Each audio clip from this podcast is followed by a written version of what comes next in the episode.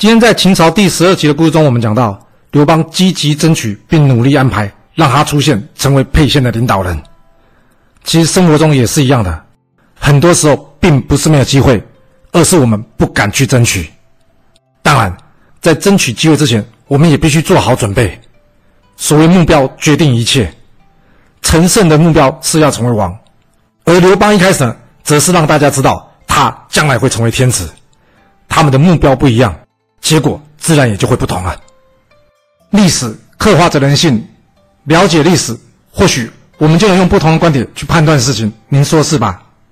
想了解完整版的故事内容，欢迎到我的爱故事频道去看哦。